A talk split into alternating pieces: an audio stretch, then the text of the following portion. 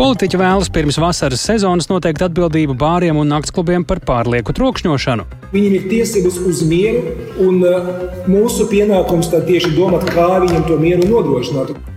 ASV prezidents Baidens beidzot paziņojis, ka startēs uz vēl vienu pilnvaru termiņu Baltānama saimnieka amatā. Skaidrosim, vai viņa sāncēnesis atkal varētu būt Donalds Trumps.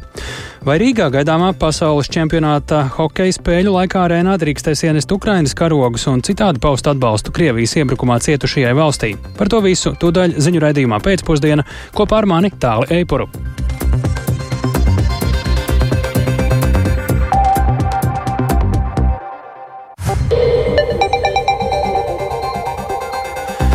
Pūksteni 16,5 minūtēs sāk skanēt pēcpusdienas ziņu programma, skaidrojot šodienas svarīgus notikumus. Studijā tālāk Eipors. Labdien!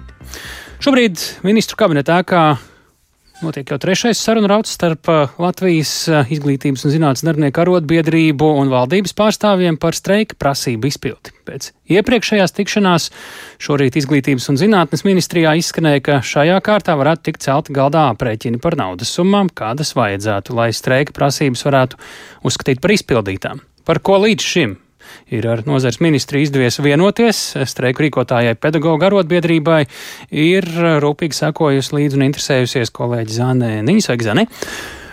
Vai mēs vispār varam runāt par kādu progresu šajās sarunās šodien, vai arī joprojām tā ir tāda runāšana katram savā valodā? Nu, arotbiedrības vadītāja Inga Vanaga pēc tikšanās rīta pusē teica, ka zinām panākumi sarunām esot, jo runāts par slodžu un atalgojumu pilnveidi arī atbalsta, personālam un administrācijai, mācību iestāžu vadītāju vietniekiem un struktūru vienību vadītājiem. Pārunāt arī citu pedagoģu grupu zemāko atalgojumu likmju celšanu, kur līdz šim eh, formulējumā esot bijuši pārpratumi un esot precizēts augstskolu pedagoģu algu jautājums, taču aprēķini tad vēl nebija gatavi. Daļējas aplēses eh, Inga Vanaga bija saņēmusi burtiski 15 minūtes pirms sanāksmes ministru kabinetā. Paklausīsimies, ko viņa teica.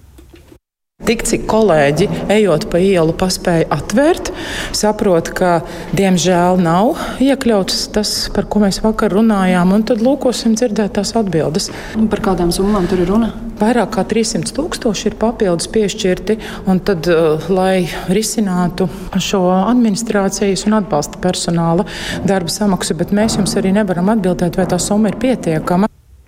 Jā, tātad tagad runa ir par aprēķiniem, papildus jau iepriekš atalgojuma palielināšanai un slodžu balansēšanai ierēķinātajiem miljoniem, taču paredzams, ka šajā sarunu daļā pievērsīsies arī pašvaldību lomai pedagoģu algu paaugstināšanā.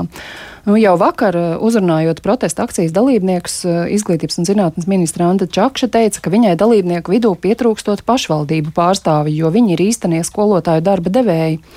Un arī mēs jau agrāk esam stāstījuši, ka atalgojuma celšanā ir ietverts tāds eh, zināms spiediens uz pašvaldībām, ar domu, ka sakārtojot skolu tīklu atbrīvosies līdzekļi atalgojuma paaugstināšanai.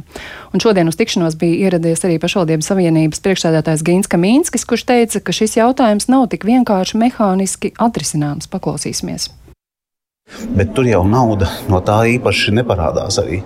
Mēs redzam, ka tie skolotāji no slēgtiem skolām, katrs laikam trešais vai ceturtais tikai aiziet strādāt uz, uz nākošo skolu.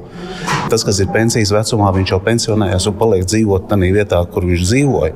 Bērns uz skolu vai skolēns Jautājums, cik ilgi viņš drīkst braukt uz to skolu, vai mazbērniņš, kā mēs runājam, arī ir pusotru stundu uz vienu pusi, uz pusotru stundu uz otru pusi. Pat tādu gadījumu, ka trīs stundas dienā bērnam jāpavada ceļā. Vai tas ir pareizi? Droši vien, ka nav pareizi. Tā par ieguvumiem eh, no skolu optimizācijas, nu, kas dažkārt ir visai nosacīti, izteicās Ginska Mīnskis. Bet atgriežoties pie Ingas Vanagas teiktā, pat laban vissvarīgākais esot izglītojamo vidējo izmaksu pārskatīšana, jo no tā būtu atkarīga visu pedagoģu darba samaksas paaugstināšana visās pašvaldībās. Un tad atbildot uz jautājumu, ko tu man sākumā uzdevi, vai ministrija un arotbiedrība runā vienā valodā. Jo šorīt tā neizklausījās? Jā, šis ir tas punkts, kur eh, saklausāmas atšķirības jo ministrija visu uzmanību koncentrē uz minimālās likmes celšanu, bet arotbiedrība prasa pārreikināt visu izglītojamo vidējās izmaksas, kurās šī minimālā likme ir tikai viena no komponentēm. Tāli. Jā, nu, kas tad notiek pēc šīm sarunām, kas pirms eh, apmēram stundas, kā noprast, sākās ministru kabinetā? Vai tad varētu būt eh, skaidrs, vai streiks pēc šīm trim ieplānotajām dienām turpināsies vai ne? Nu, vai visu izdosies atrisināt šajā pēcpusdienā, nu, to es nevaru pateikt. Nezinu, kurš uz to varētu atbildēt, bet um, Inga Vanak teica, ka viņiem um, arotbiedrībai šovakar pulksten 18. notiks uh, padomas sanāksme, kurā lems par tālāko rīcību. Vai streiku turpināt, vai apturēt uz kādu laiku, vai kā citādi rīkoties. Jo tas būtu jāzina jau šodien, lai varētu apziņot pirmorganizācijas un informēt par to, kas tad uh, notiks pēc trešdienas lai skolas varētu laiku saplānot dzīvi. Ļoti rūpīgi. Tad uh, Zana sekos līdzi, mēs sekosim līdzi un arī, protams, informēsim jūs. Un uh, pedagogi droši vien jāklausās jums savu arodu organizāciju un koordinātoru sacītajā pēc tam, kad arotbiedrības vadība būs uh, veikusi savus lēmumus. Paldies, Zanai! Mēs uh, šobrīd uh, atgādinām, ka pedagogu un valdību un pašvaldības un citi iesaistītie tiekas un ved sarunas laikā, kad jau otro dienu turpinās pedagogu streiks Reizeknē. Streiko aptuveni 60% pedagogu. Streikot ir pieteikušās visas skolas taču divas pilsētas pirmskolas izglītības iestādes protesta akcijā nepiedalījās. Un joprojām nepiedalās skolas savu darbu streika laikā organizē dažādi. Citvieta mācības notiek daļēji, divās no deviņām vispārējās izglītības iestādēm mācību darbs ir pilnībā pārtraukts. Reizeknas 5. pamatskolā streiko praktiski visi pedagoģi, un plašāk par situāciju šajā pilsētā Lauras Ieviņas ierakstā.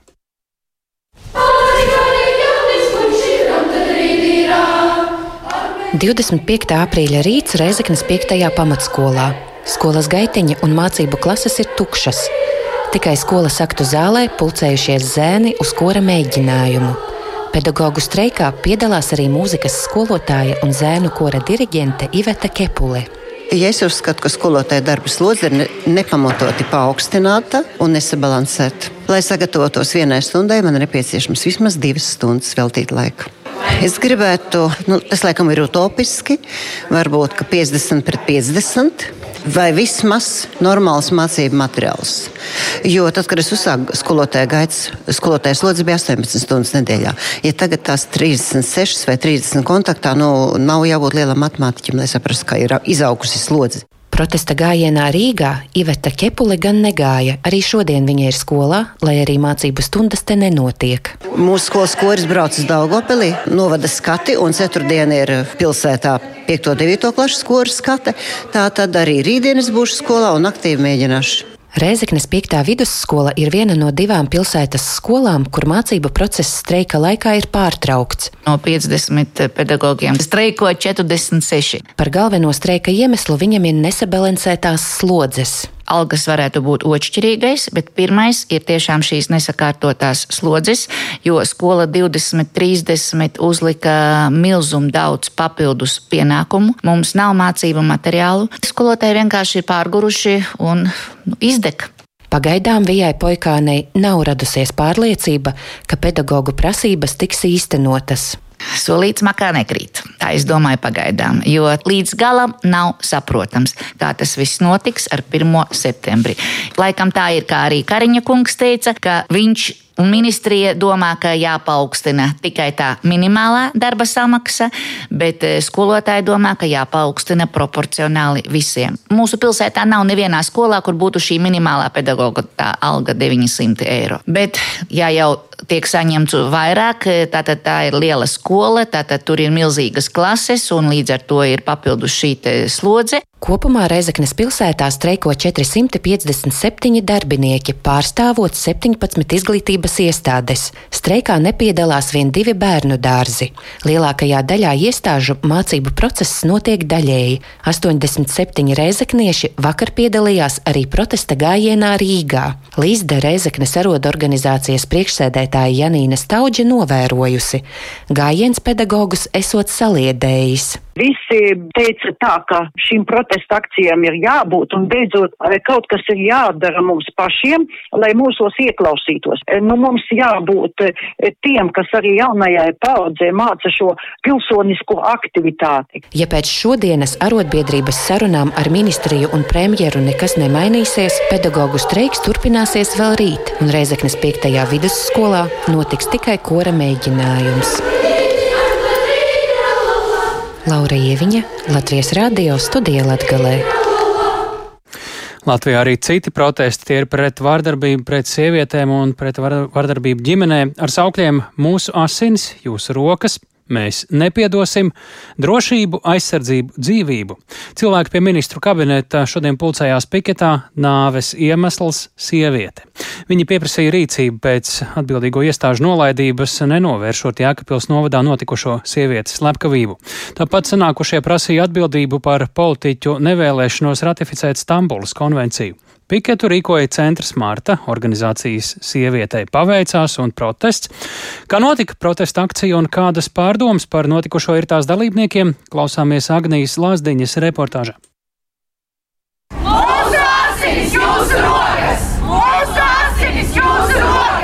Ģērbti melnā apģērbā, pie kura piesprausti sarkanas krāsas ziedi, kas simbolizē naža dūrienus, un ar plakātiem rokās, uz kuriem lasāmi tādi vēstījumi, kā sit, tad nemīl, un cik daudzām ir jāmirst, lai tu sadzirdētu, šodien vairāk nekā simts cilvēki pulcējās piketā pie ministru kabineta. Piketā ar nosaukumu Nāves iemesls sieviete cilvēki pieprasīja rīcību saistībā ar atbildīgo iestāžu nolaidību Jēkabils novadā notikušās sievietes slepkavības dēļ, kā arī politiķiem ratificēt Stambulas konvenciju. Nu, ir tāds liels šoks par to, kā vispār tik briesmīga situācija var būt mūsu valstī. Tur ir acīm redzami gan, gan risinājumi jāmeklē izpildu varas pusē, tur ir policijā, kāds varēja tikt pieļauts, gan arī politiskā līmenī ratificējot Stambulas konvenciju. Šis gadījums, kas notika Jēkabīlī, parāda, ka policija pat tad, kad sievietes mēģina saņemt šo palīdzību, nekas netiek darīts, kamēr nav līķa diemžēl. Un tāpēc mēs pieprasām Stambulas konvenciju, mēs pieprasām, lai būtu atbildīgo institūciju rīcība un uh, lai mēs tiešām visi varētu sajusties drošībā un lai mums nevajadzētu stāvēt. Liekas, ka nu, šis ir mirklis, kad nu, tālāk vairs nav kur. Nu, kam vēl ir jānotiek, lai sekot kaut kāda darbība, kas tiešām pasargā mūsu cilvēkus? Manā rīcībā ir noslapkavotās sievietes vēstule tiesību sargam. Viņa raksta, gandrīz vai liekas, ka Leons Rusiņš tiek aizstāvēts. Jēkabils novadā sava bērna un mātes acu priekšā nodurta sieviete. Slepkavību pastrādāja viņas bijušais vīrs Leons Rusiņš, kas mēnešiem ilgi sievieti vajājis un draudējis viņai. Par to regulāri ziņots policijai, taču sieviete netika pasargāta. Lai izrādītu cieņu un pieminētu Jēkabīlī noslapkavoto sievieti, piketa sākumā klātesošie ieturēja klusuma brīdi.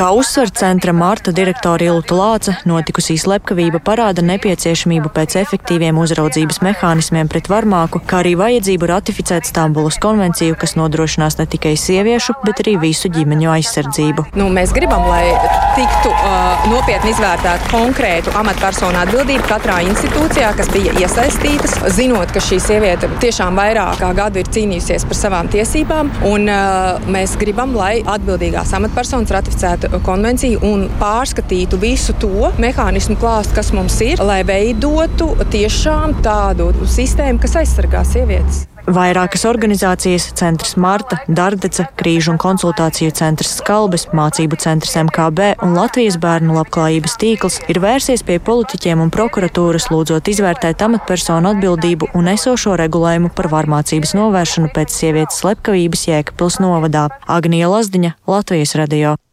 Vārdarbība ģimenē jānosaka kā izskatām, prioritāri izskatāma krimināla procesā. Tādu uzdevumu pilnveidot krimināla procesa likumu Tieslietu ministrijai uzdevusi Tieslietu ministrija Niselība Ņegner no jaunās vienotības, izvērtējot faktus par dzīves biedra vajāto un noslepkavoto sievieti Jēkabpils novadā. Tā liecina politiķis Twitter ieraksts. Viņa arī piebilst, ka citos jautājumos gan vairāk pirms šķietam redzams problēmas likuma piemērošanā, nevis nepilnības pašos likumos. 14. saimā trūkst atbalsts Stambulas konvencijas ratifikācijai. Skaidru atbalstu tās apstiprināšanai pauž tikai divas no septiņām saimnes frakcijām - jaunā vienotība un progresīvie. Konvencijas iedzīvināšana sniegtu sistēmu vardarbības prevencijai, kas iespējams ļautu novērst arī tādas traģēdijas kā nesen Jēkapilī. Konvencijas pretinieku arguments ir vēl viena dokumenta apstiprināšana vardarbību ģimenē neizskaudīs. Vairāk Jāņa Kīņča sagatavotajā ierakstā. Stambuls konvenciju 2016. gadā parakstīja toreizējais labklājības ministrs Jānis Rērs no jaunās vienotības. Teju septiņu gadu laikā tās ratifikācija Latvijā nav notikusi. Konservatīvo partiju pārstāvji konvencijā ietverto dzimuma jēdzienu ir saistījuši ar vēlmi legalizēt vienzimuma laulības, un to nespēja politiski atbalstīt. Taču pirms diviem gadiem satversmes tiesa Stambuls konvenciju atzina par atbilstošu konstitūcijai. Tā neapdraud satversmē nostiprinātās vērtības. Tiesa apliecināja Stambuls konvencijas virsmērķi - cīņu ar vardarbību pret sievietēm un vardarbību ģimenē. To atgādina arī jaunās vienotības saimas frakcijas vadītāja vietniece Agnese Krasta. Diemžēl statistika par vardarbību ģimenē joprojām mūsu valstī ir nepiedodama augsta. Ir pilnīgi skaidrs, ka pret šo sērgu jāvēršas ar visiem iespējamiem tiesiskiem līdzekļiem. Gribētu norādīt, ka tieši konvencijas ratifikācija ļautu ne tikai risināt praktiskus jautājumus attiecībā uz profilaks un pakalpojumiem, bet uh, būtu arī tāds uh, signāls gan sabiedrībai, gan starptautiski, ka vardarbība nevar tikt un netiek tolerēta. To papildina arī progresīvo frakcijas vadītāja vietniece Jana Simonovska. Konvencijā piedāvāta kompleksa sistēma, kas nepieļautu novēlotu reakciju vai ilgas tiesvedības vardarbības pret sievieti gadījumos, uzsver deputāte. Vardarbības novēršana pret sievieti ir svarīgs prioritārs uzdevums, kad mums ienāk šādi signāli, visas iestādes pieslēdzās, lai to novērstu. Un šis ir tieši tas gadījums, kur mēs redzam, ka pati sieviete bija neskaitāms reizes vērsies pēc palīdzības, viņas e, kolēģis bija vērsts pēc palīdzības. Valsts iestādēm bija visi norādījumi, ka šis cilvēks ir vardarbīgs. Un tas, ka visi noveļ vainu viens uz otru, arī rāda, ka nu, nav neviena kas uzņemtos par to atbildību. Par spīti satversmes tiesas secinājumiem Stambulas konvencijas ieviešanu aizvien neatbalsta Nacionālā apvienība un arī Zaļo un Zemnieku savienība. Kristīgo vērtību aizskārumu saskata arī Latvija pirmajā vietā frakcijas deputāti. ZZS frakcijas vadītājs Viktors Valēns arī pašlaik par konvenciju ir skeptisks. Ir ļoti grūti izskaidrot, kā var uh, nereaģēt šajā situācijā, kurā bija šī sieviete nonākusi un policijas reakcija tik ilgā laika posmā manuprāt, ir grūti kaut ko izskaidrojumu. Un, ja Stambuls konvencija to varētu risināt, domāju, tad ne tikai viena desmit Stambuls konvencijas varētu pieņemt un cerēt, ka tādi jautājumi vairs nekad neatgriezīsies. Līdzīgi sarunā Latvijas radio norāda arī trešā koalīcijas pārstāvja apvienotā saraksta frakcijas vadītāja vietniece Aiva Vīksna. Viņas prāt, daudzās problēmu situācijās vairāk atkarīgs no līdzcilvēku aktivitātes. Tas, kas arī ir likumos, ir, ir jāievēro un jāliek lietā. Šajā gadījumā mums jau ir daudzas lietas un instrumenti ir mūsu pašu rokās, tikai tas ir jāizmanto. Un tāpēc es vienkārši uzskatu, nevajag jau nākošos likumus. Mēs, man liekas, jau tā esam pārbirokratizējušies, pārregulējušies un tā tālāk ka tik mēs neaizējām otrā galībā, ka uh, regulu regulu galā, bet cilvēcība ir pazudusi. Arī tiesības sargs ir mudinājis saimu ratificēt Stambulas konvenciju. Tāpat arī Eiropas parlaments saskaņā ar Eiropas kopienu tiesas atzinumu ir atkārtoti aicinājis ratificēt šo starptautisko dokumentu. To nav paveikušas Latvija un vēl piecas Eiropas Savienības dalību valstis. Jānis Kincis, Latvijas radio. Par agresīvu uzvedību daudz prāt var uzskatīt arī trokšņošanu. Nekavējoties rosināt atbildību par trokšņošanu ne tikai privātpersonām, bet arī juridiskām personām, piemēram, bāriem, naktsklubiem. Tā šodien īsi pirms vasaras sezonas sākuma lēmusi Saimnes juridiskā komisija apspriežot izmaiņas administratīvo sodu likumā. Kāpēc esam situācijā, ka līdz šim uzņēmējiem par trokšņošanu nebija jāatbild, klausieties Ievas puķis sižetā. Pirms gada māja krastiņa iegādājās dzīvokli skaisti restaurētā vēsturiskā mājā Ķīpselā. Sākoties vasaras sezonai, viņa saprata, te gulēt pat ar ausu aizbāžņiem ir visai neiespējami. Katru nedēļas nogali, sākot ar ceturtdienu, piekdienu, sestdienu, dažkārt arī svētdienās, notiek nakts diskotēkas vai koncerti, kas notiek pretī Andrejs salā. Un, um, tur ir divas, trīs iestādes, tādas lielākas, kas ir uh, diskotēka, viena, kas ir tādā pusteltī, un tad ir liela brīvdabas terase. Bet nu, problēma ir tas skaņas līmenis, kas atnāk līdz otram krastam. Viņš ir tiešām neciešams, ļoti, ļoti spēcīgi. Un līdz cikiem no rīta? Sešiem, septiņiem no rīta. Tad tas nozīmē, ka sestdienas vēļdiena ir pilnībā pazaudēta. Mājai šis ir vienīgais īpašums. Viņai katru nedēļas nogali nav iespēju aizbraukt uz laukiem, kā dara vairums viņas kaimiņu. Saprotot arī uzņēmēju intereses, sākumā zvanījusi diskotēku saimniekiem, lai vienotos par kādu draudzīgu kompromisu, bet tie nereaģēja. Arī zvani pašvaldības policijai situāciju nemainīja.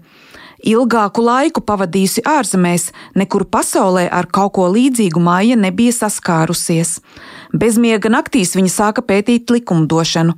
Atklātais patiešām pārsteidza. Likumā ir pazudusi iespēja par trokšņošanu sodīt juridiskas personas. Tad satversmes tiesa pieņēma lēmumu, sakot, ka pašvaldība nevar regulēt lietu, ko regulē jau likums. Tad es gāju meklēt šo likumu, šo likumu atradu. Bet tie punkti, tie pānti, uz kuriem satversmes tiesa atsaucās, viņi tur vienkārši vairs nebija. Un tad es sapratu, nu, jā, tur ir tas radies, tāpēc ir šī situācija radusies. Māja Krastiņa veica aptauju, noskaidrojot, ka ar līdzīgām problēmām saskaras iedzīvotāji dažādās Rīgas vietās, ne tikai vecrīgā un Andrejostai tuvajās dzīvojamajās mājās. Bāru un diskotēku personāls viņiem paziņo, juridiski viss ir kārtībā, mēs drīkstam radīt troksni arī nakts stundās. Sieviete izveidoja iniciatīvu Naktsmieru Rīgai, kuras pārstāvi vērsās pie atbildīgajām vides, ekonomikas un tieslietu ministrijām, kā arī pie Rīgas domes. Taču šīs iestādes tikai deleģēja atbildību cita citai un plātīja rokas par tādu likumdošanas kāzusu. Vien pēc diskusijas Latvijas radio raidījumā Kruspunktā, kurā Rīgas pašvaldības policijas priekšnieka vietnieks Edgars Rudzītis norādīja uz patiešām milzīgu daudzumu izsaukumu par trokšņošanu, pagājušo gadu iedzīvotāji par to zvanījuši 10 077 reizes. Problēmai pievērsās Saimas juridiskā komisija. Tās vadītājs Andrejs Andrejs Judins no jaunās vienotības šodienas sēdē atzina, ka likumdošanā patiešām šajā jomā ilgstoši ir bijis caurums. Kādreiz mums bija administratīva pārkāpuma kodeksa atbildība paredzēta, ja to pārcēlā to pantu uz eh, piesārņojuma likumu. Bet, ja mēs paskatīsimies uz situāciju no cilvēka pozīcijas, tad kāda ir viņam starpība, kas ir audzējušais avots? Viņam vienalga, viņam ir tiesības uz mieru, un eh, mūsu pienākums tad tieši domāt, kā viņam to mieru nodrošināt, kā viņu aizsargāt. Sēmas juridiskā komisija šodienas diskusijā gan arī secināja, ka trokšņa problēma ir komplicēta un to var traktēt arī subjektīvi. Tāpēc mudināja izveidot starpnozaru darba grupu, lai šo fenomenu vērtītu vēl sīkāk un attiecīgi piemērotu likumdošanu. Ieva Puķe, Latvijas radio.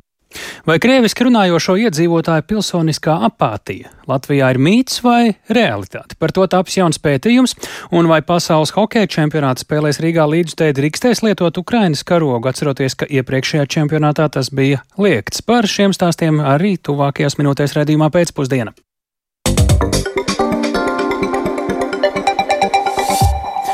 ASV prezidents Džo Baidens šodien paziņojis, ka nākamā gada prezidenta vēlēšanās kandidēs uz vēl vienu pilnvaru term, ter, termiņu Baltā nama saimnieka amatā.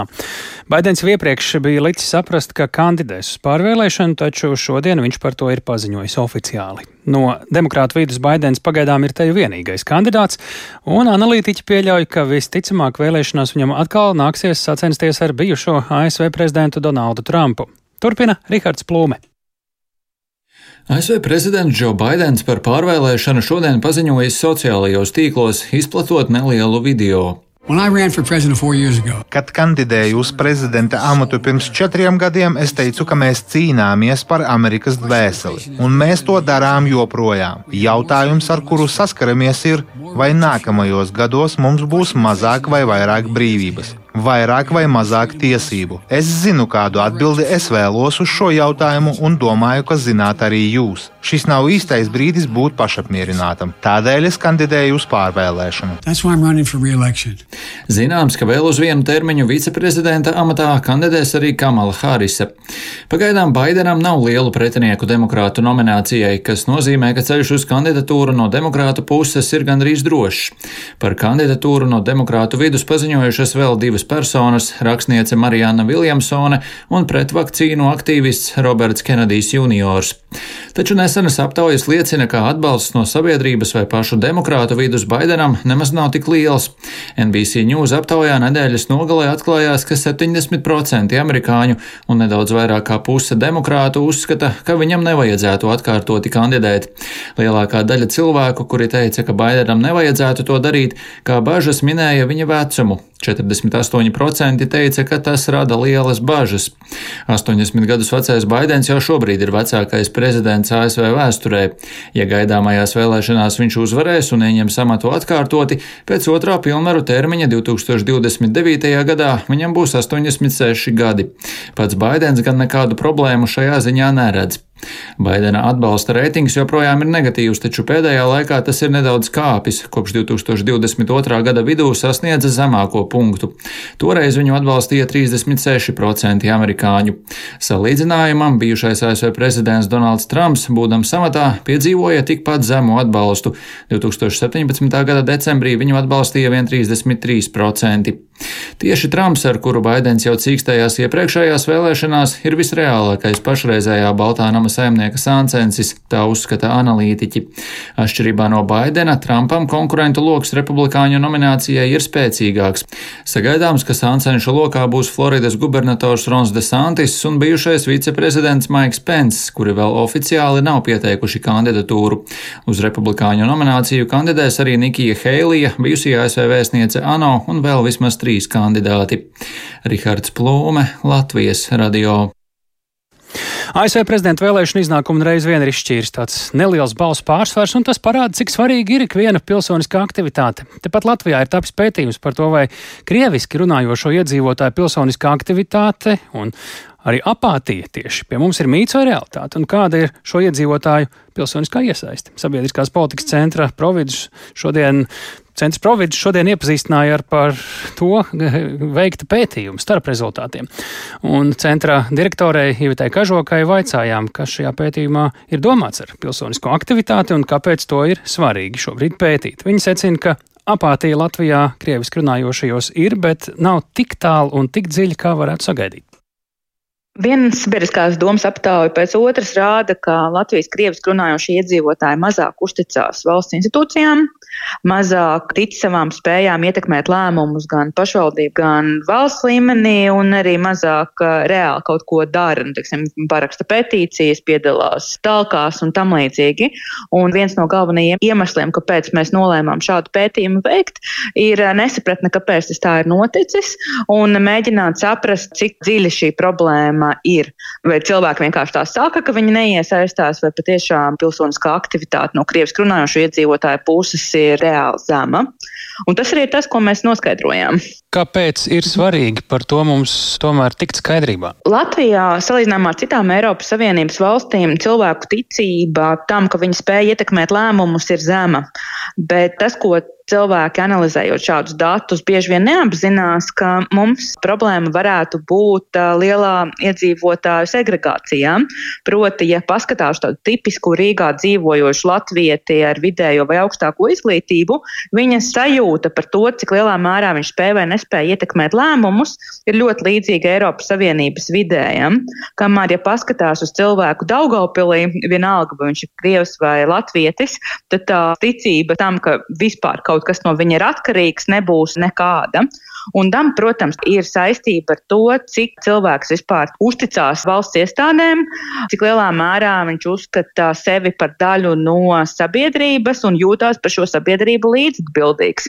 Tas, ko mēs redzam arī tik dramatiskās situācijās kā Ukrainā, ka ir ļoti svarīgi, lai cilvēki sajūtās kā daļa no kopienas, vienas kopienas, neatkarīgi no tā, kāda ir viņu dzimtā valoda un cik tālu vai tuvu galvaspilsētā viņi dzīvo.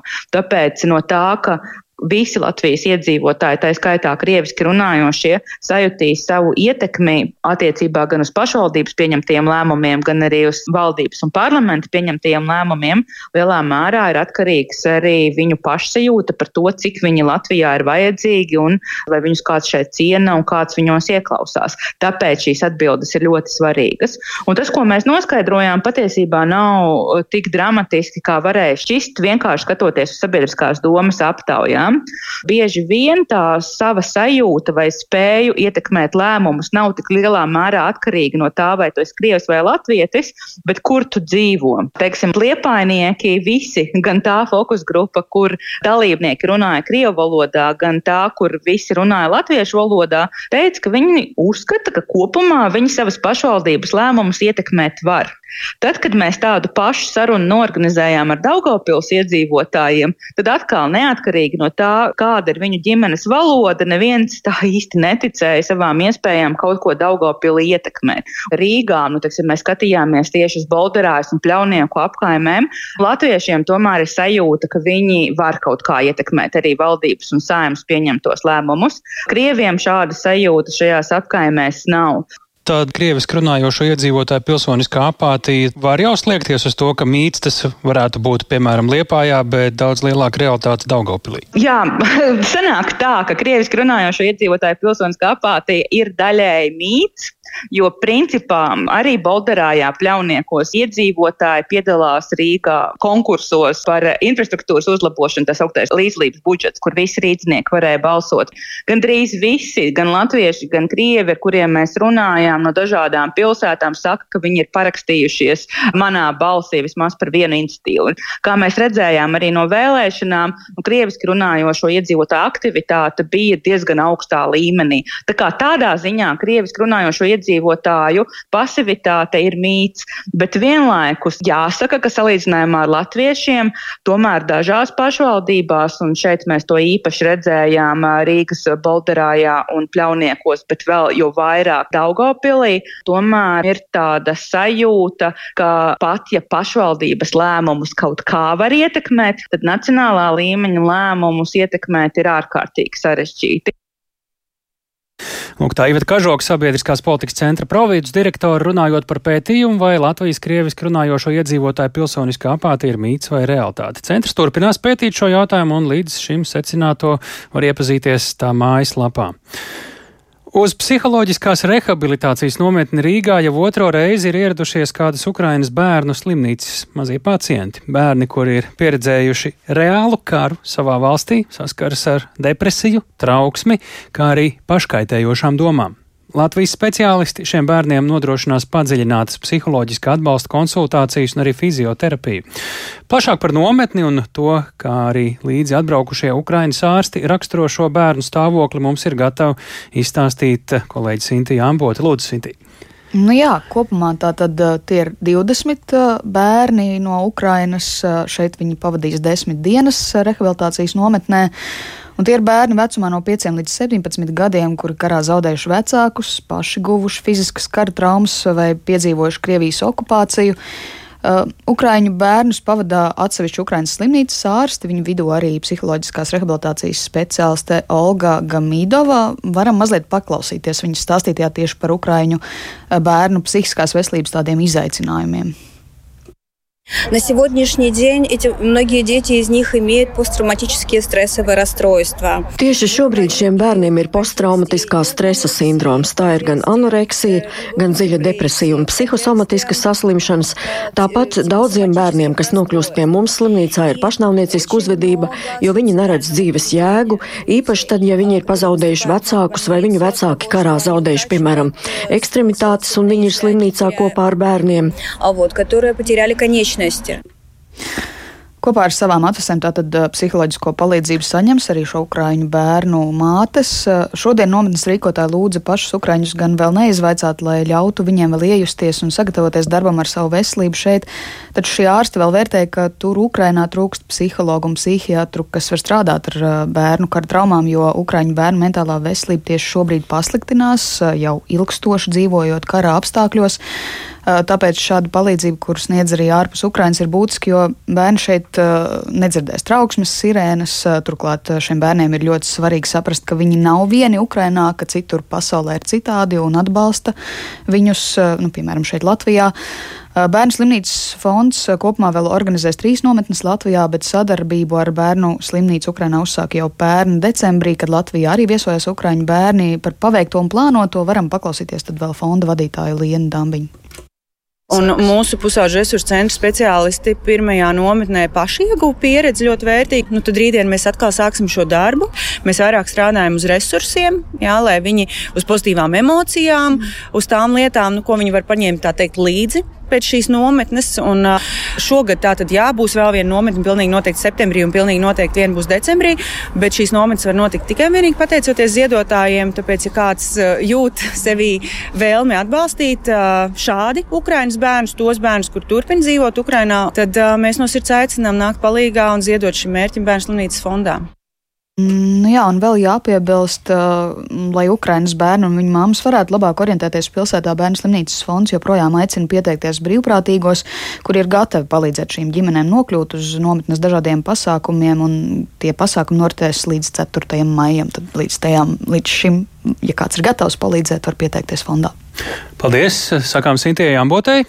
Atbalstu Ukrainai var paust gan šādos, gan citos visdažādākajos darbos, gan arī ar publiskiem simboliem. Vai Rīgā gaidāmā pasaules eh, čempionāta hokeja spēļu laikā arēnās drīkstēs ienest Ukrainas karogus un citādi paust atbalstu Krievijas iebrukumā cietušajai valstī?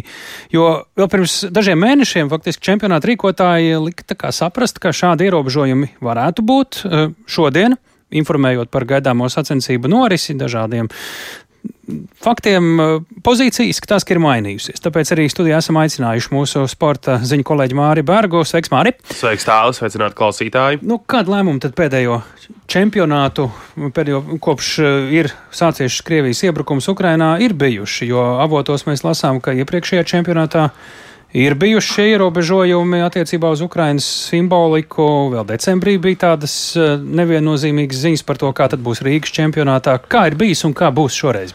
Jā, pilnīgi pareizi tālāk stāstīja. Ja atceramies kaut vai pagājušā gada pasaules čempionātu Somijā, tad tur Ukraiņas karogu ienes tribīnēs nebija atļauts. Protams, tur fani asprātīgi izgāja no situācijas, piemēram, uz lapas uzrakstot vārdus and yellow, jeb zils un dzeltens, kas, kā mēs ļoti labi zinām, ir Ukraiņas karoga krāsas. Kāpēc toreiz tā bija? Tāpēc, ka karogienes nedrīkstēja. Šādi... Kāpēc nedrīkstēja? Kā tur bija tie pamatojumi? Teiksim tā, pamatojumi vienmēr ir drošības situācija un uh -huh. vispārējais, plus IHF vienmēr sevi ir centušies. IHF nu, Startautiskā hokeja federācija. Pilnīgi Jā. pareizi saki šī organizācija vienmēr sevi ir centusies pozicionēt, ka tā ir nos no politikas, respektīvi nejaucam sportu ar politiku, dzīvojam draudzīgi un tā tālāk. Uz ko tā Latvijā daudziem ir liels smīns, zinot, kā maizē šobrīd dzīvo iepriekšējais Starptautiskās hokeja federācijas prezidents Renē Fāzels. Tu man atņem šobrīd stāstāmo tālu, jo tieši tā Renē Fāzels, ilgadējais IHF vadītājs, viņš ir ticis pie labiem amatiem Krievijas valstī piedarošos uzņēmumos. Līdz ar to skaidrs, ka mēs nevaram teikt, ka IHF ir ar politiku nesaistīts iesaistīta organizācija. Bijusi protams, vismaz. Protams, ka nē, un uh, Fāzels ir bijis cieši saistīts ar uh, Krievijas politisko eliti, bet uh, Arēnā Rīga pavasarī pasaules čempionātā Ukraiņas karogus ienest varēs. Plašāk par to stāsta Latvijas orkomitejas vadītājs Edgars Buncis. Tā ir mūsu un mūsu valsts nostāja. Un čempionāts notiek Rīgā, līdz ar to tas ir mūsu lēmums. Teiksim tā, protams, ka čempionāts ir dalību valsts čempionāts. Un tāpat laikā šis uh, Krievijas izraisītais karš, protams, ka cilvēku emocijās un uh, tādā ekspresijā ir pietiekami augstā līmenī. Tā iemesla pēc visu, kas ir saprotams un pieņemams, tas tiks atļauts. Nu, jā, varētu iztēloties Latvijas hokeja fanus, kuri, kuriem liedz ienest uh, Ukraiņas karogus vai simboliku čempionātā spēlēs, tas uh, raisītu ļoti skaļu neizpratni. Visticamāk, sociālajos tīklos man liekas, ka arī tas atspoguļojas kaut kādā veidā. Sociālajos tīklos tik tiešām izskanēja neizpratnē. Tas bija vakar vērojams, ka izplatījās ziņas, ka tribīnēs nevarēs ienest Ukraiņas karogus. Tas, protams, raisīja neizpratni. Šodien Hokeja federācijai tātad bija ieplānots šis pasākums, kas bija vairāk tāda tehniska informācija. Tā nebija preses konference tādā tipiskā izpratnē. Tā bija tiešām vairāk tāda tehniska informācija, kur arī žurnālistiem bija iespējas uzdot, jā, kas un kā būs. Un, un, un līdz ar to tur šodien arī tika apstiprināts, ka nē, tā nav Ukraiņas karogus tribīnēs ienest var, un arī visādi citādi Ukraiņai savu atbalstu ir atļauts paust ar dažādiem plakātiem, uzrakstiem un tā tālāk. Viss, kas ir saprotams un, kā jau tikko dzirdējām, vispār pieņemts, tas viss ir arī atļauts. Nu, vēl 30 eh, sekundēs. Uh, tas čempionāts sāks trīs dienas pēc 9. maija. Es pieļauju, ka tikpat labi, ka da daļai līdztie gribētos pavicināt Ukraiņas karogu atbalstam, citiem atkal varētu gribēties agresoru valstu karogus pavicināt kārtiem. Nu, droši vien, ka tādi atradīsies, jā, bet eh, šie karogi ir aizliegti gan Krievijas, gan Baltkrievijas. Tie tad ir aizliegti simboli. Visticamāk, līdzjutēji tiks pārbaudīti pie ieejām diezgan rūpīgi. Ja nu gadījumā kādam būs izdevies ienest šos karogus tribīnēs un eh, vēlēsies ar tiem pavicināties, tad eh, ātri vien ieradīsies apsargi un mīļi pēdiņās palūks aiziet prom no tribīnēm. Paldies, mēs sakām Mārim Bergam, un paldies arī sakām tiem, kur klausījās šīs dienas raidījuma pēcpusdiena. Tas, kā vienmēr skan darba dienās pēc ziņām 4 un 5 minūtēs, un to, kā vienmēr varat noklausīties jau dažas minūtes pēc ētera Latvijas radio mobilajā lietotnē, un, protams, raugieties pēc dienas ziņām arī e, citur lielākajās raidierakstu platformās, tā izskaitā. Mēs sakām visu labu un līdz rītam, un to dara gan Tāls Eipurs, gan Ilza Aginta, gan arī Ulds Grīmbergs un Katrīna Bramberga.